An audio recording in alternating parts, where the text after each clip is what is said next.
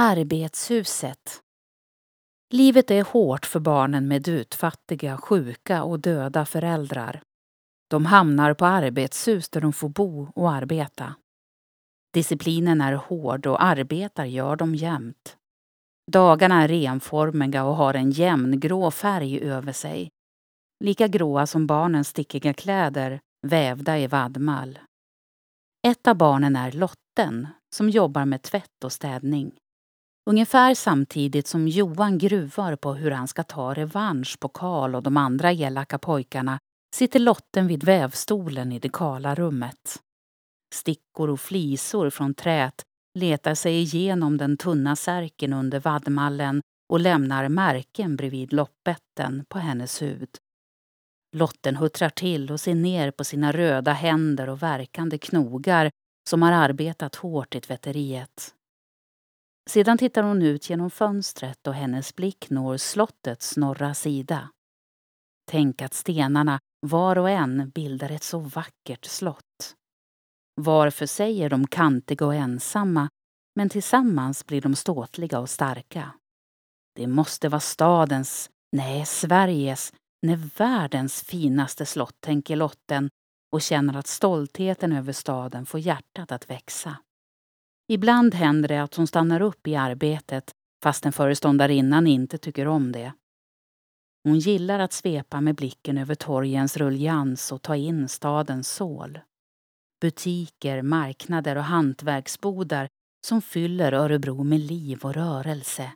Det är hennes hemlighet. Hon drömmer i smyg om att öppna en egen butik.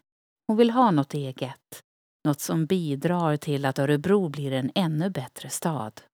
Och framför allt något som tar henne bort från fattigdomens sorgliga grepp och hennes tankar avbryts av några flickor som ber henne om hjälp. Lotten, Lotten, du som är så kavat, kan inte du hjälpa oss att hämta ner kattan från trädet? Huskatten hade klättrat upp i den stora eken intill arbetshuset men vågade inte ta sig ner. Småflickorna som står under den stora trädkronan och ängsligt tittar upp mot katten hade ropat på den modigaste flickan de visste i huset. Lotten tar några rejäla klättertag om trästammen och snart sitter hon på samma trägren som katten. Hon lockar vant på den och tar den i famnen. Med ens är båda två nere på marken igen. Vad var det som gjorde att katten räddade sig upp i ett träd? Stämmer det att djur anar faror långt innan en fara verkligen sker?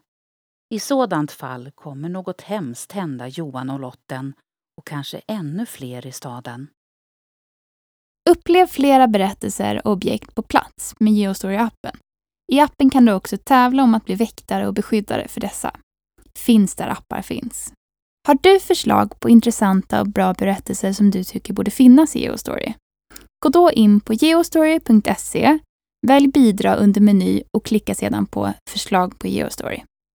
Vill du även hjälpa till och sponsra redan inlämnade historier kan du välja insamling och sen sponsra med det du vill och kan. Vill ditt företag höras här? Kontakta då oss gärna på info.geostory.se för att vara med och sponsra